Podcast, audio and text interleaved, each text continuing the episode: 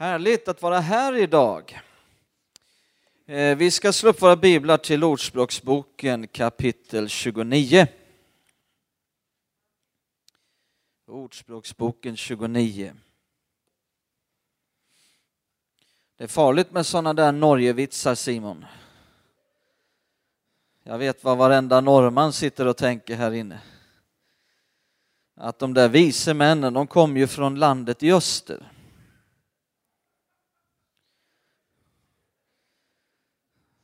Så därför kunde, norrmännen brukar säga så, Jesus kunde inte ha fötts i Norge, det är mycket riktigt. Därför det fanns inte tre män, tre visa i landet i öster.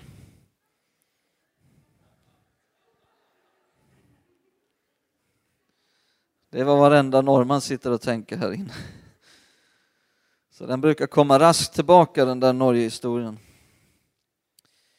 Ordspråksboken 29 vers 18. Innan vi läser där så ber vi tillsammans.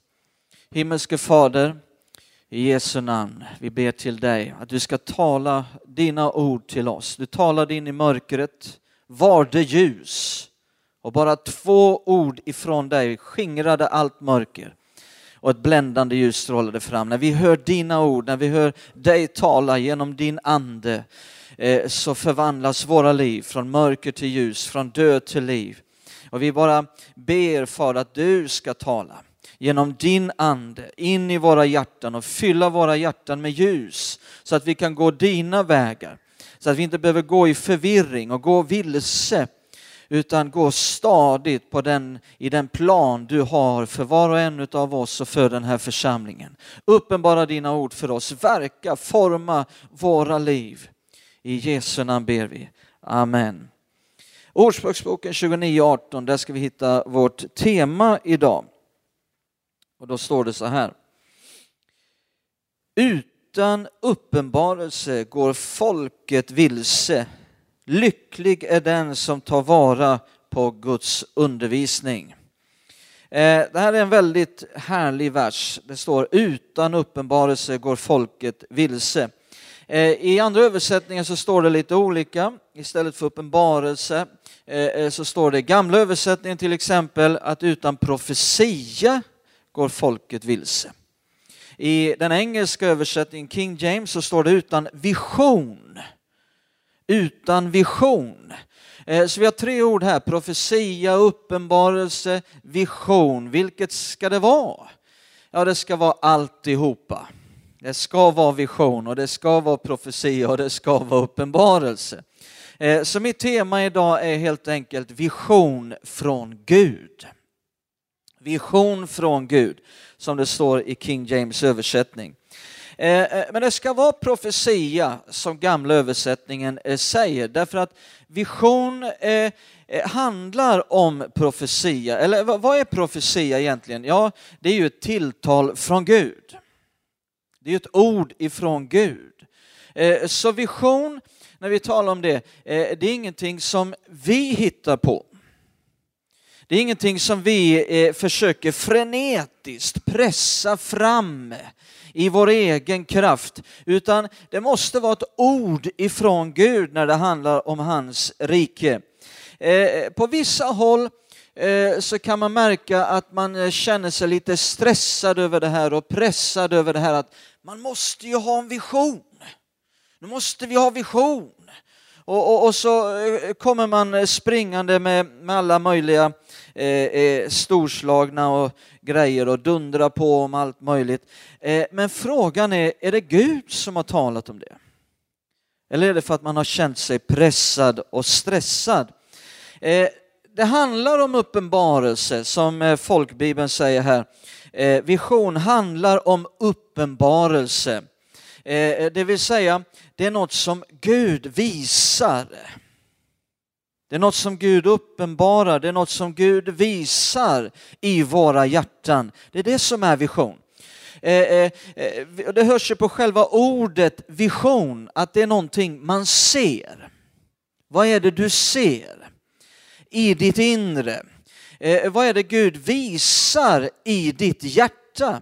Eh, eh, vi har ju det svenska ordet det visuella. vision, visuellt. Eh, man hör ju att det hänger ihop på något vis.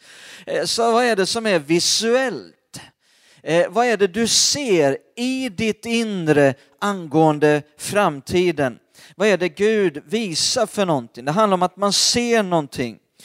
Eh, så, och, och, och, i den här versen så får vi väldigt klart för oss att vision, som engelska översättningen säger, utifrån uppenbarelse, utifrån ett ord från Gud, att vision är helt avgörande.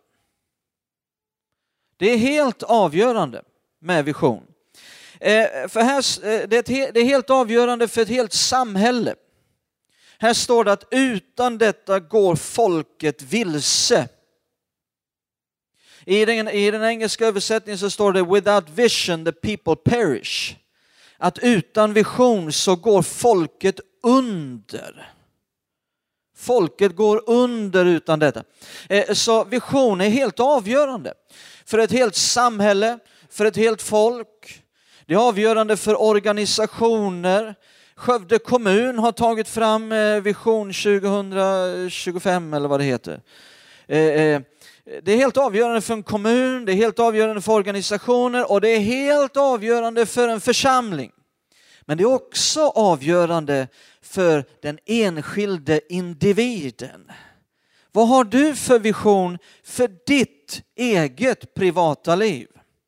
Vad är det Gud vill visa dig? Hur vill Gud att du ska vara? Vad är det du ser i ditt inre?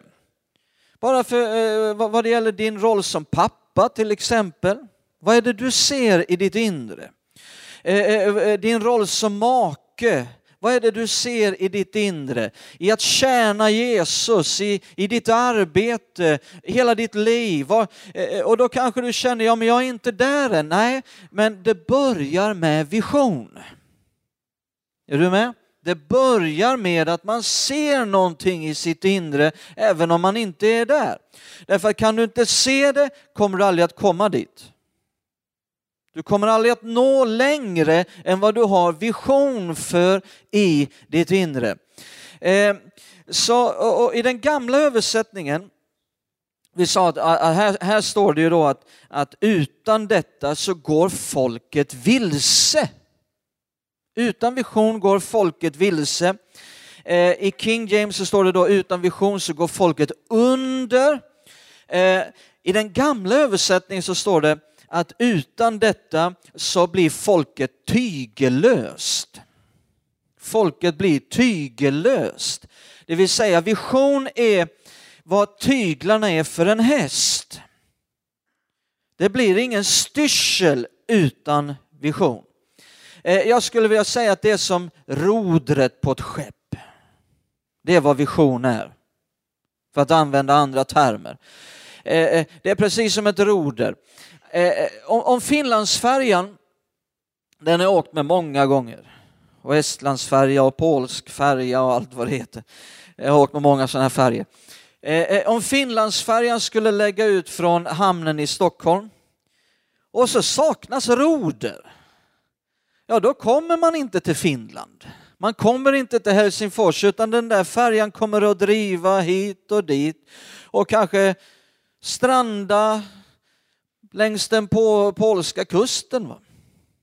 Vi får se vart det bär. Vi vet inte var det bär. Det kommer att stranda någonstans. Det blir ingen styrsel. Det här är vad vision är. Och därför så handlar inte vision bara om slutmålet, Helsingfors. Nej, vision handlar inte bara om slut. Det finns ett slutmål, vi vill komma någonstans.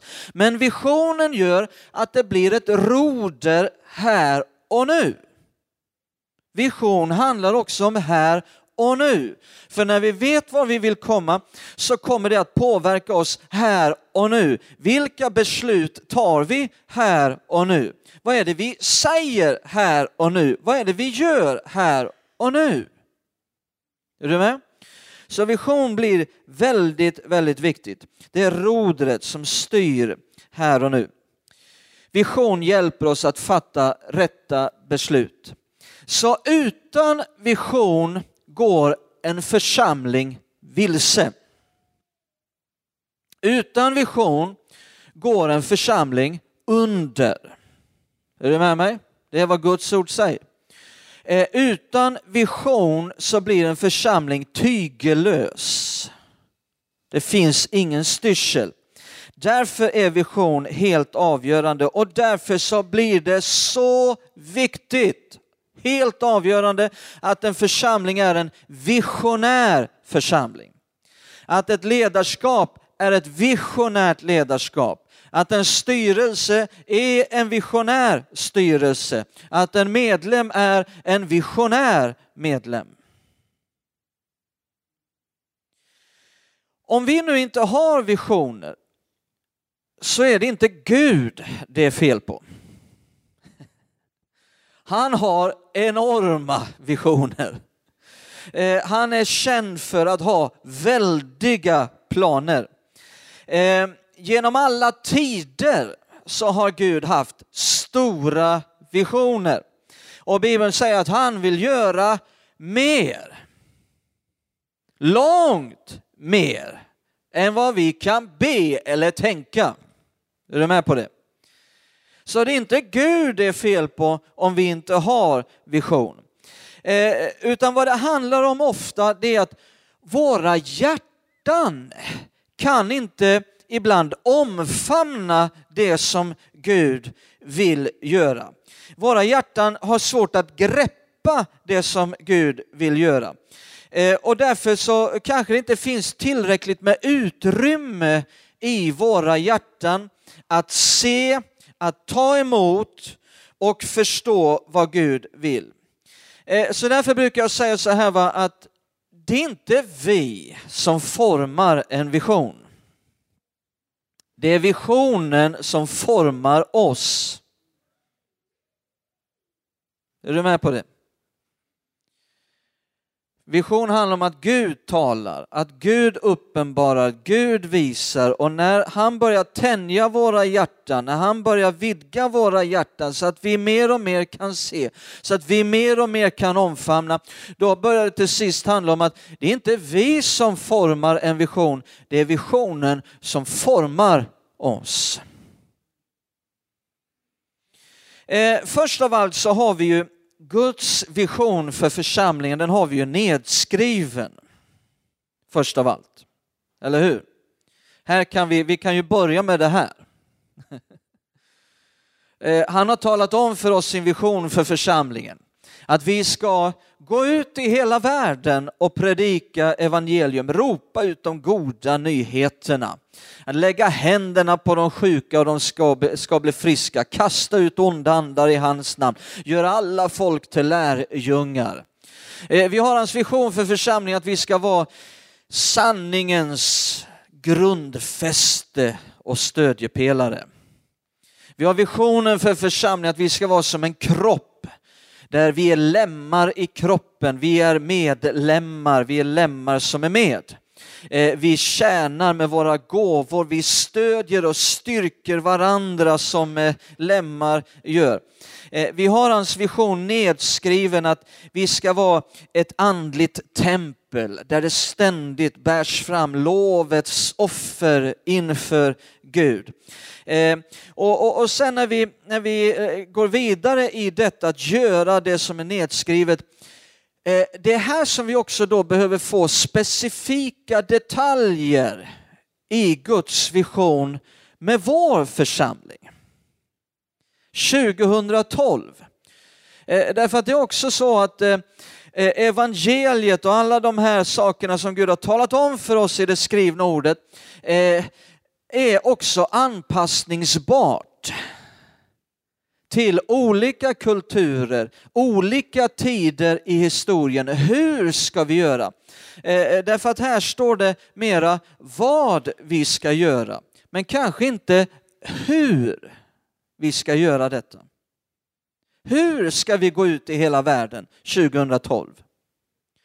Hur ska vi offra lovets offer 2012? Hur ska vi stödja och styrka varandra eh, och så vidare eh, 2012. Ja, det är här som Gud också vill visa då. Eh, och vi får motta specifika detaljer i, försam i, visionen. Men det är alltid den nedskrivna visionen som är grunden. Är du med? Och, och nu vill jag tala om någonting annat då, att Gud hjälper alltid människor och vill hjälpa oss att omfamna hans vision. Så ni kan slänga upp den andra bilden här. Gud hjälper människor att omfamna hans vision. Genom hela Bibeln, genom hela Bibeln så finner vi hur Gud hjälper människor hela tiden att omfamna hans vision för deras liv. Eh, vi finner hela tiden hur Gud tänjer människors hjärtan genom hela Bibeln eh, så att de till slut kan se och ta emot eh, det som Gud vill göra långt innan det faktiskt sker. Ett sådant exempel är Abraham. Kommer ni ihåg Abraham?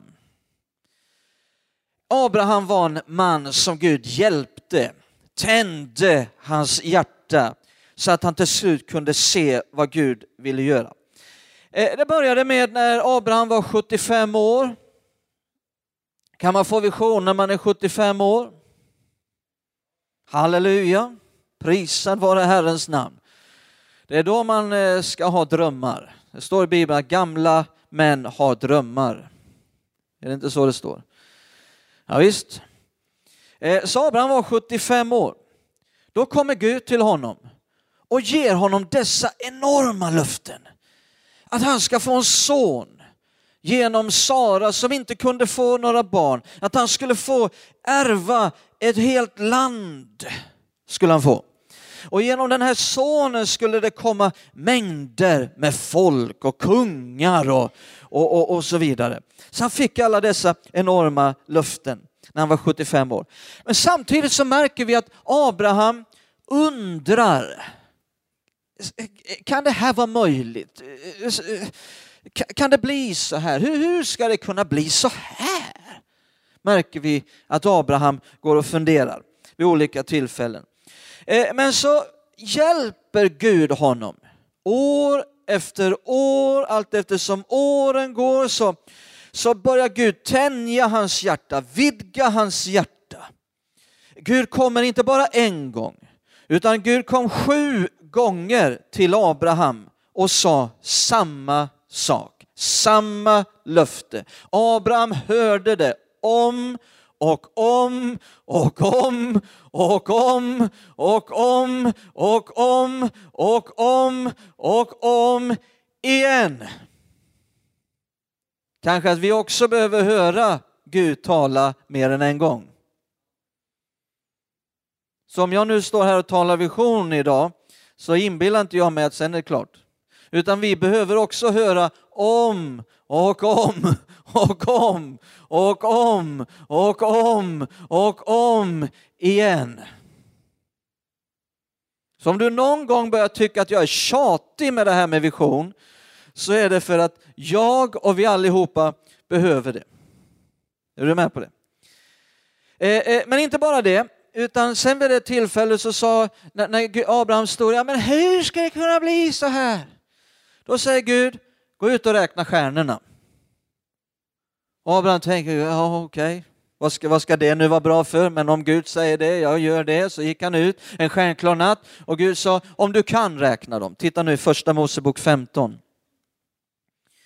Första Mosebok 15. Ska vi se när Gud hjälper Abraham Första Mosebok 15.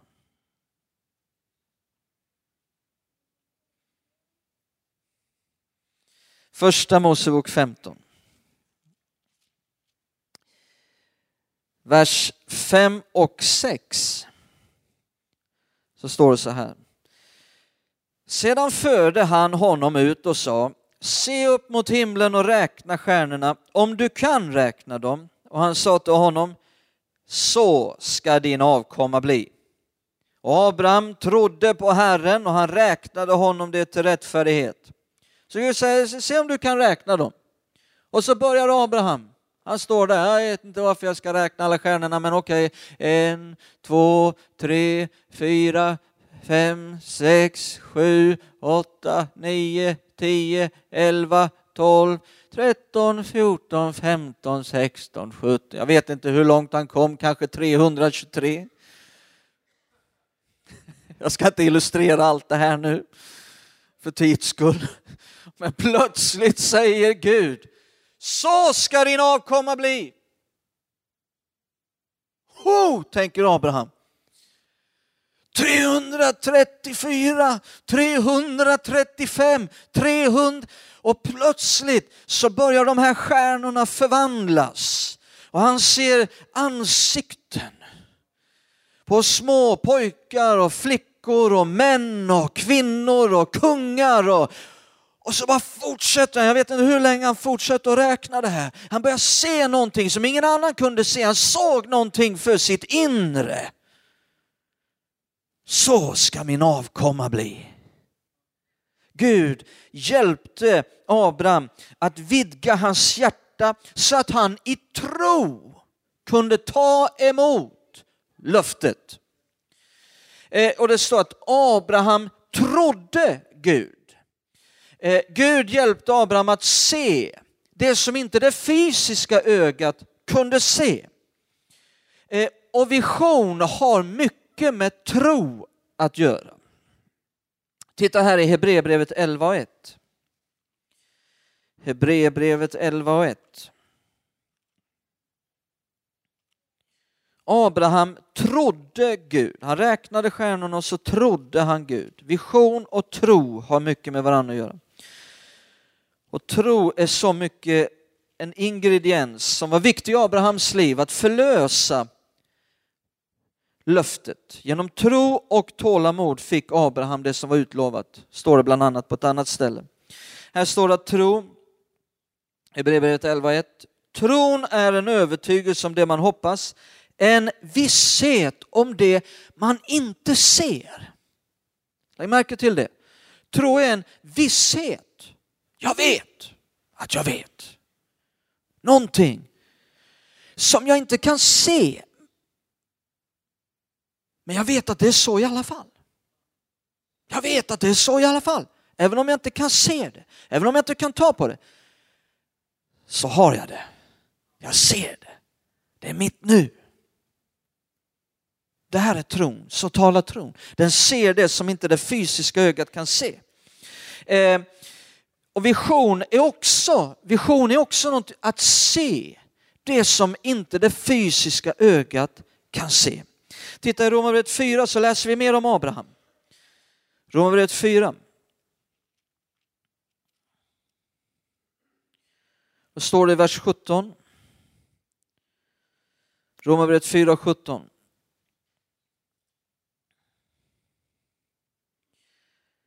Så står det skrivet, till fader för många folk har jag satt dig och det är han inför Gud som han trodde på, honom som gör de döda levande och lyssna nu, kallar på det som inte är som om det vore till.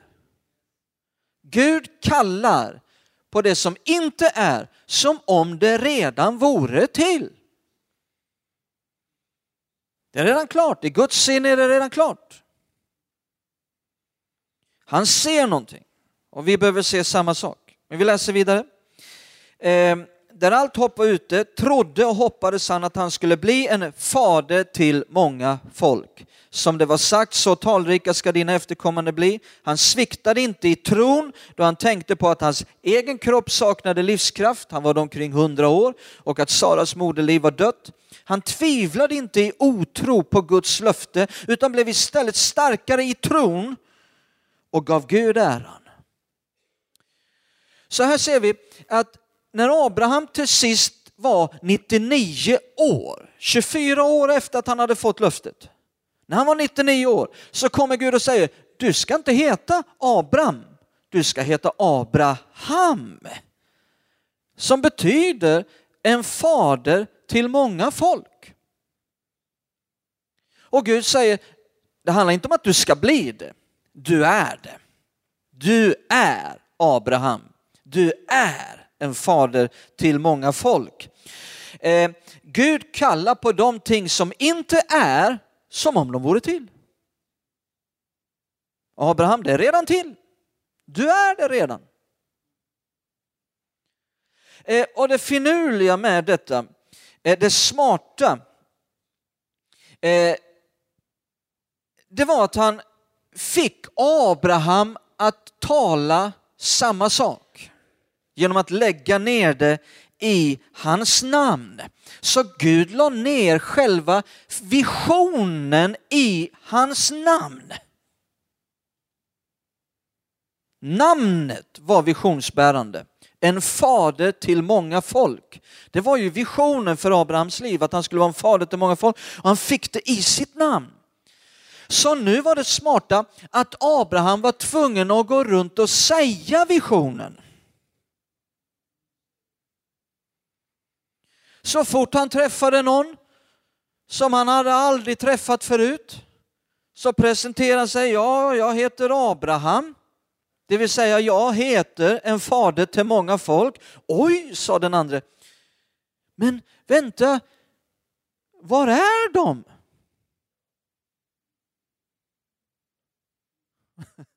Då sa Abraham, följ med ut en stjärnklar natt så ska jag visa var de är.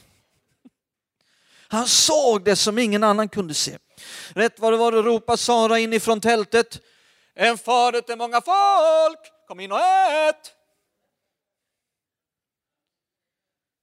Och de andra som var där, de eh, pratade sinsemellan och sa att ja, den där, de där Abraham och Sara, de har ju aldrig fått något barn. Vi tycker lite synd om dem. Och nu börjar de låtsas att de har barn. Du vet när du börjar tala vision kan du verka lite eh, underlig för andra som inte har vision.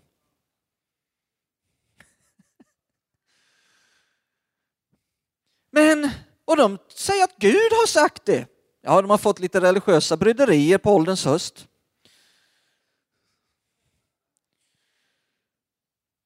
Så han gick omkring och sa det, jag är en, jag, jag är en fader till många folk. Och, och det är det som är att tala vision, det är att kalla på det som inte är som om det vore till. Man måste börja säga det. Jag brukar säga du kommer aldrig längre än vad du säger. Men det får vi ta någon annan gång. Så det här är vision. Vi behöver se det, vi behöver börja tala det.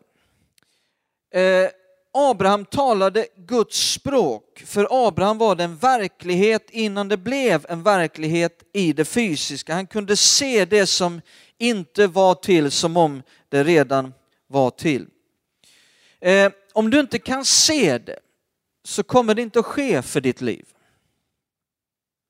Och därför så behöver vi eh, se det när vi ber. När vi talar, när vi umgås med Gud, se det i vår ande. Eh, när vi undfår Guds vision och vi börjar tala i enlighet med det istället för att tala en massa negativa saker om våra liv, om församlingens liv och så vidare. Så talar vi den helige andes språk. Vi talar ett skapande språk. Guds ord har skapande kraft. Guds ord är inte bara trycksvärta på papper, det är ett övernaturligt levande och kraftfullt ord. Eh, det står att allting som vi ser har blivit till genom ett ord från Gud. Han hade en vision om universum, han hade en vision och så talade han in den i dess existens. Gud sa, var det ljus så talade Gud in allting som skulle bli till. Och allting upprätthålls genom hans makts ord, står det. Så när vi hör honom tala in i våra liv och vi börjar tala det han talar, då har våra ord skapande kraft, för de är inte våra ord, de är Guds ord. Visste du att du kan skapa ditt liv genom att tala det Gud talar? Inte bara genom att tala om allmänt positiva grejer. Det är inte det vi pratar om, att hitta på. Så bara vi säger lite positiva. Nej, det handlar om att säga det han säger. I tro. Det var det Abraham höll på med. Titta här i första Mosebok 30. Så ska vi se en annan som Gud hjälper. Första Mosebok 30. Han heter eh, Jakob. Och Jakob som var son till Isak, Abrahams barnbarn Jakob, han hamnar hos en som heter Laban. Under många år var han hos Laban för han ville få den här Rakel. Kvinnan Rakel. Och så, ja, vi ska inte gå in på hela storyn utan vi, vi läser någonting här. Eh, det börjar dra ihop sig mot att Jakob ska försöka lämna Laban. Då står det i första Mosebok 30 från vers 31. Han svarade, Laban svarade, vad ska jag ge dig? Jakob sa, du ska inte ge mig något alls. Om du gör mig till viljes i det jag nu säger ska jag fortsätta att vara herde för din jord och vakta den. Jag vill gå igenom hela din jord idag och ur den skilja ut alla spräckliga och brokiga djur, alla mörka djur bland lammen och de som är brokiga och spräckliga bland getterna. De ska, det ska vara min lön. När du senare kommer för att med egna ögon se vad som har blivit min lön, då ska min rättfärdighet vara mitt vittne. Alla getter hos mig som inte är spräckliga eller brokiga och alla lamm som inte är mörka ska räknas som stulna. Det är bra, sa Laban. Det får bli som du har sagt. Lyssna nu, samma dag skilde Laban ut de strimmiga och brokiga bockarna och alla spräckliga och brokiga hongetter och all, alla som det fanns något vitt på och alla lamm som var mörka. Dessa lämnade han i sina söners vård. Så nu försöker Laban se till att Jakob kommer inte att få ett enda spräckligt eller brokigt eller mörkt. Han kommer inte att få någonting. För jag tar bort alla de generna nu ur, ur detta. Eh, och då står det sen i nästa vers, han lät ett avstånd av tre dagsresor vara mellan sig och Jakob. Och Jakob fick sedan vakta Labans övriga jord. Men, kolla nu vad som händer. Men Jakob tog färska käppar av poppel, mandelträd och lönn och gjorde vita ränder på dem genom att skala av barken så att det vita på käpparna syntes. Sedan la han käppar käpparna som han skalat i rännorna eller vattenhoarna så att djuren hade dem framför sig när jordarna kom för att dricka. De brukade para sig när de kom för att dricka. Så djuren skulle nu se på alla de här käpparna som var brokiga och spräckliga och, och, så här randiga. När djuren parade sig vid käpparna blev djurens avkomma strimmig, spräcklig och brokig. Men det här är ju ett zoologiskt fenomen. Det är ju inte så här det går till, att bara för djur parar sig vid käppar som är spräckliga så blir avkomman spräcklig. Nej, det, det, det är något djupare här, va? förstår vi. Eh, eh, eh men vers 40 står det, sedan förde Jakob lammen åt sidan och ordnade de övriga djuren så att de vände huvudena mot det strimmiga och mot allt det mörka i Labans jord, så skaffade han sig egna jordar som han inte blandade med Labans jord. Så ofta de kraftiga djuren skulle para sig la Jakob käpparna framför djurens ögon i rännorna så att de parade sig vid käpparna. Men när det var svaga djur la han inte dit dem. På det sättet fick Laban de svaga djuren och Jakob fick de kraftiga. Och Jakob blev mycket rik. Han fick mycket småboskap och dessutom slavinnor och slavar och kameler och åsnor. Så hans metod var att alla de vita djuren skulle nu para sig och se de här, allt det här spräckliga pinnarna och käpparna och så vidare. Eh, men var det djuren som behövde se det här? Nej, och jag ska visa det strax. Det var Jakob som behövde se det. Han fick något visuellt. Han, började, han gick och såg någonting. Han formade det här själv. Han tänkte på någonting. Han utförde någonting som hade med visionen att göra. Det var han som behövde se det. Och jag har gjort det här några gånger i mitt liv när det har varit någonting stort, eh, eh, kanske ekonomiskt, där det behövs stora ekonomiska under, stora ekonomiska mirakler som, där det finns inga mänskliga resurser att ta till. Så har jag haft något visuellt framför mina ögon. Som jag sett på varje dag, varje dag, varje dag. Gud kommer att göra ett under. Gud kommer att göra detta. Första gången var när jag skulle till bibelskola i USA. Jag hade inga ekonomiska möjligheter att vara där två år. Växte upp i ett enkelt arbetarhem. hade gått på högskola, gjort lumpen. Då är man inte rik sen. Man har inga pengar att bo två år i USA och inte jobba. Men Gud hade sagt att jag skulle dit.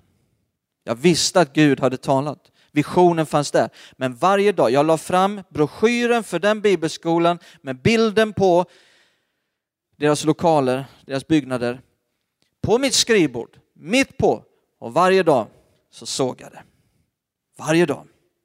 Och varje dag så sa jag, tack Gud, du för mig dit.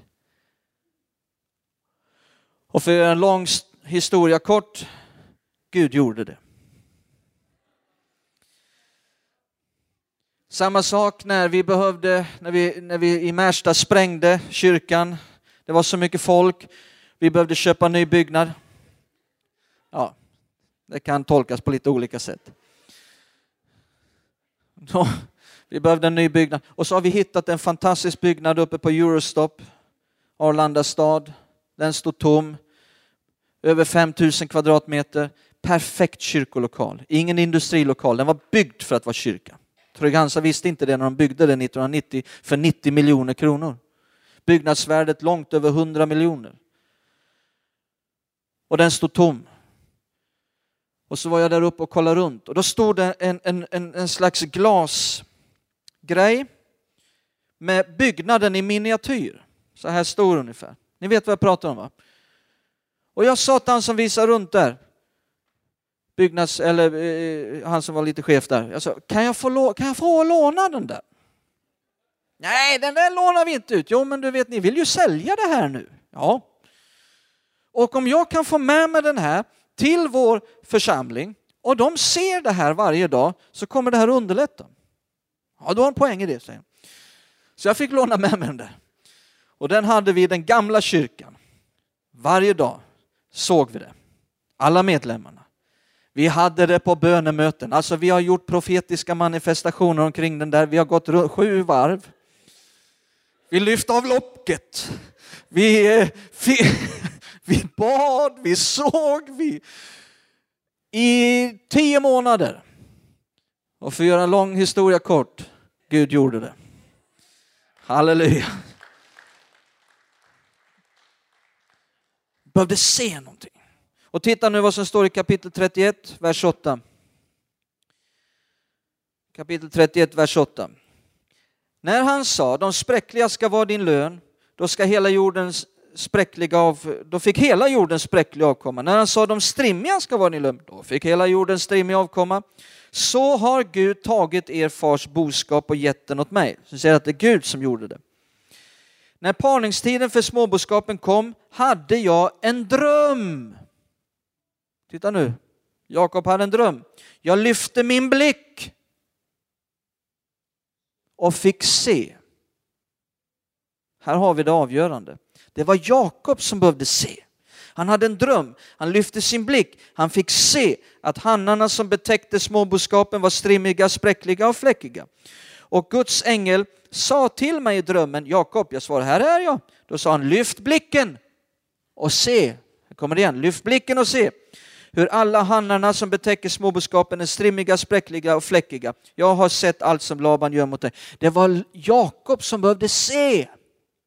Gud vidgade Jakobs hjärta så att han kunde omfamna det här miraklet. Gud hjälper människor till vision. Så till sist, titta i första Mosebok 11. Min sista punkt, vår vision. Vår vision. Men jag vill läsa i första Mosebok 11. Vers 5 till 7. Första Mosebok 11, vers 5 till 7. Då steg Herren ner för att se på staden och tornet som människorna byggde. Det här handlar om Babels torn. Babels torn. Vi läser inte hela storyn, du kan den. I vers 6 står det, Herren sa, se, de är ett enda folk. Kan alla säga ett enda? Ett enda folk. Och de har ett enda språk. Kan jag säga ett enda? Ett folk, ett språk. Ett enda folk, ett enda språk. De talar samma sak. Detta är deras första tilltag och härefter ska ingenting vara omöjligt. Hör vad Gud säger, inget kommer vara omöjligt för dem, vad de än beslutar sig för.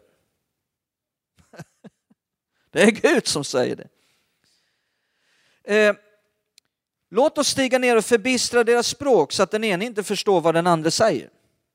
Och är det så i en församling, den ena förstår inte vad den andra säger. Jag kommer inte lyckas med någonting. Men när det blir ett enda folk med ett enda språk där man talar samma sak kommer inget att vara omöjligt. Eh, därför så, jag tror inte på 50 olika visioner samtidigt. Vart församlingen ska komma, var den ska gå, hur det ska vara. Finns det 50 olika visioner så är det division. Det vill säga splittring. Division. Division. Nej, det måste finnas en vision. Inte så att man i alla detaljer tycker likadant och tänker likadant och har samma åsikter, men i det stora hela, att man rör sig åt samma håll i det stora hela. Gud vill ge oss en vision, att vi blir ett hjärta och en själ. Och Paulus säger i Filipperbrevet 1 och 27 att vi kämpar med ett och samma sinne för evangeliet.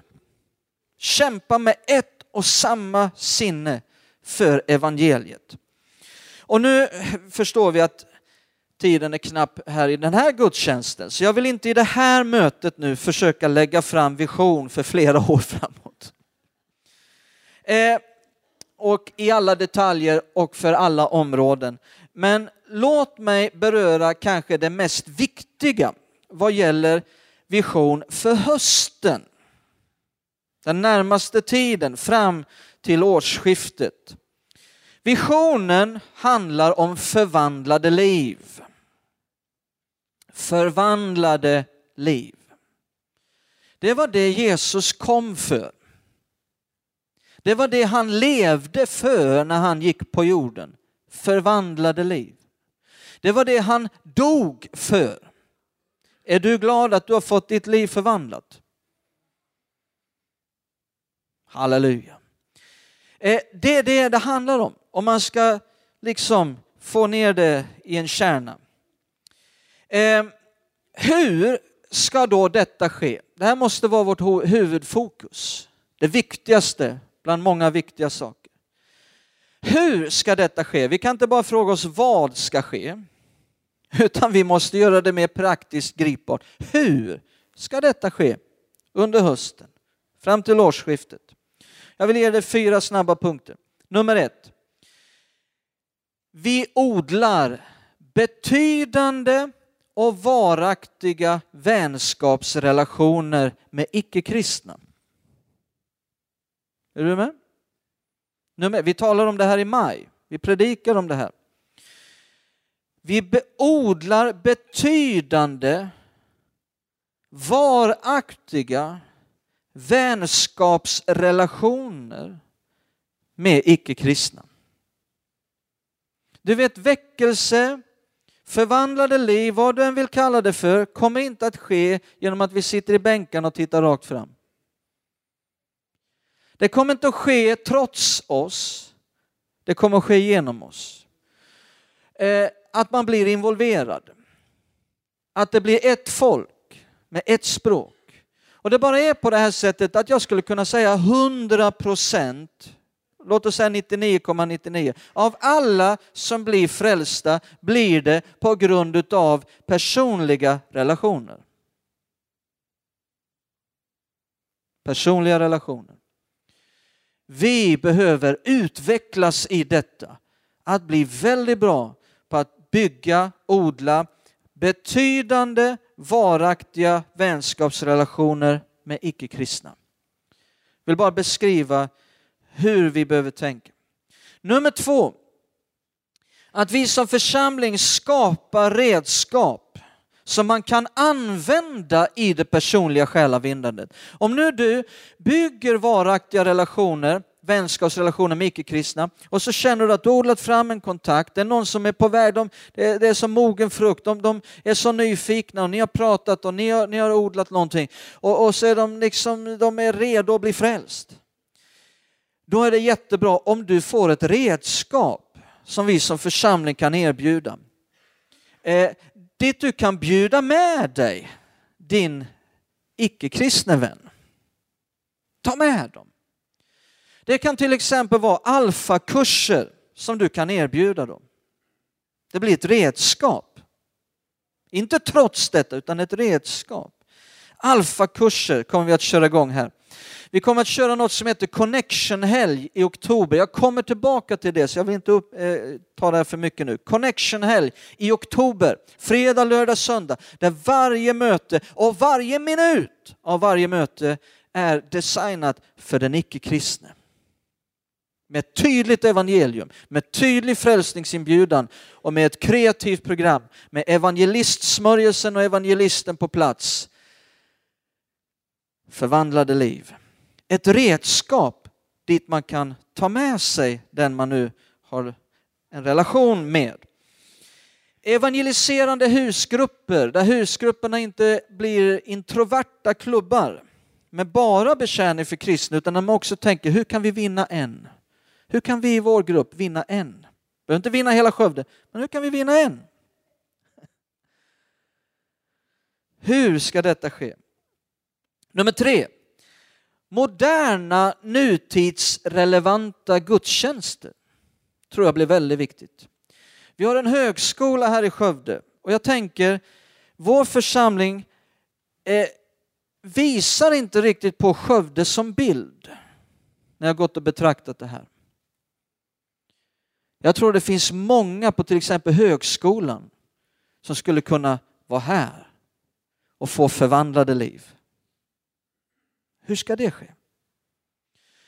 Jag tror att moderna nutidsrelevanta gudstjänster som utvecklas mer och mer blir viktiga. Jag satt på, uppe i Philadelphia i Stockholm på någon stor predikantsamling för pastorerna i pingst och så vidare. Och då var frågan, hur kan vi nå ut i det postmoderna samhället?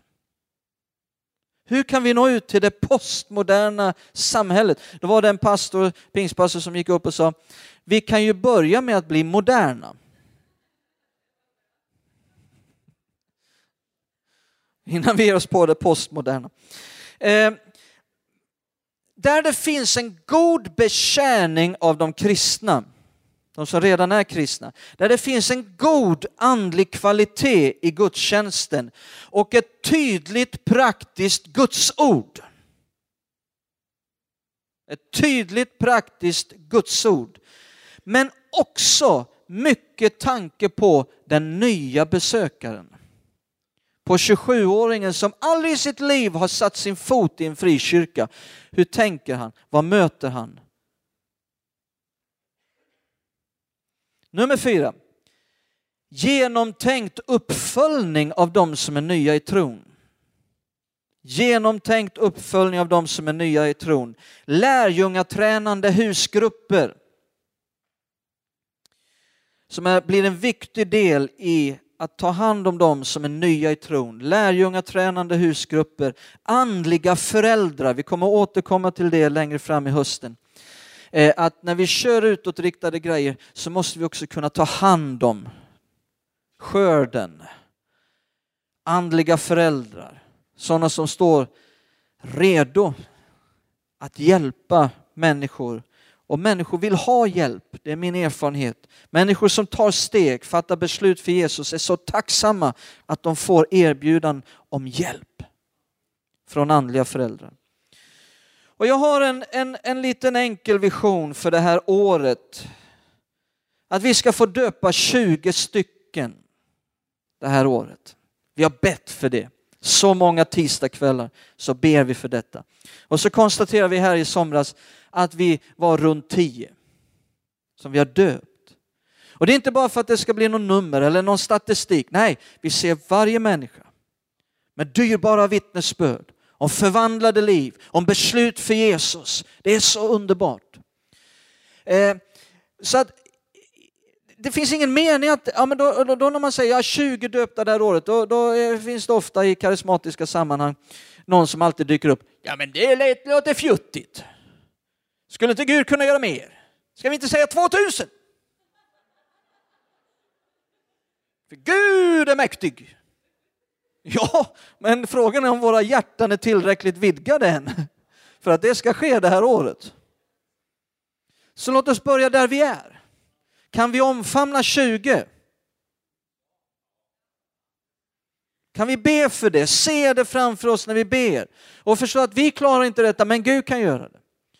Och sen när vi når dit, ja men då är våra hjärtan vidgade. Då kan vi be för större saker. Då kan vi gå vidare. Halleluja! Förvandlade liv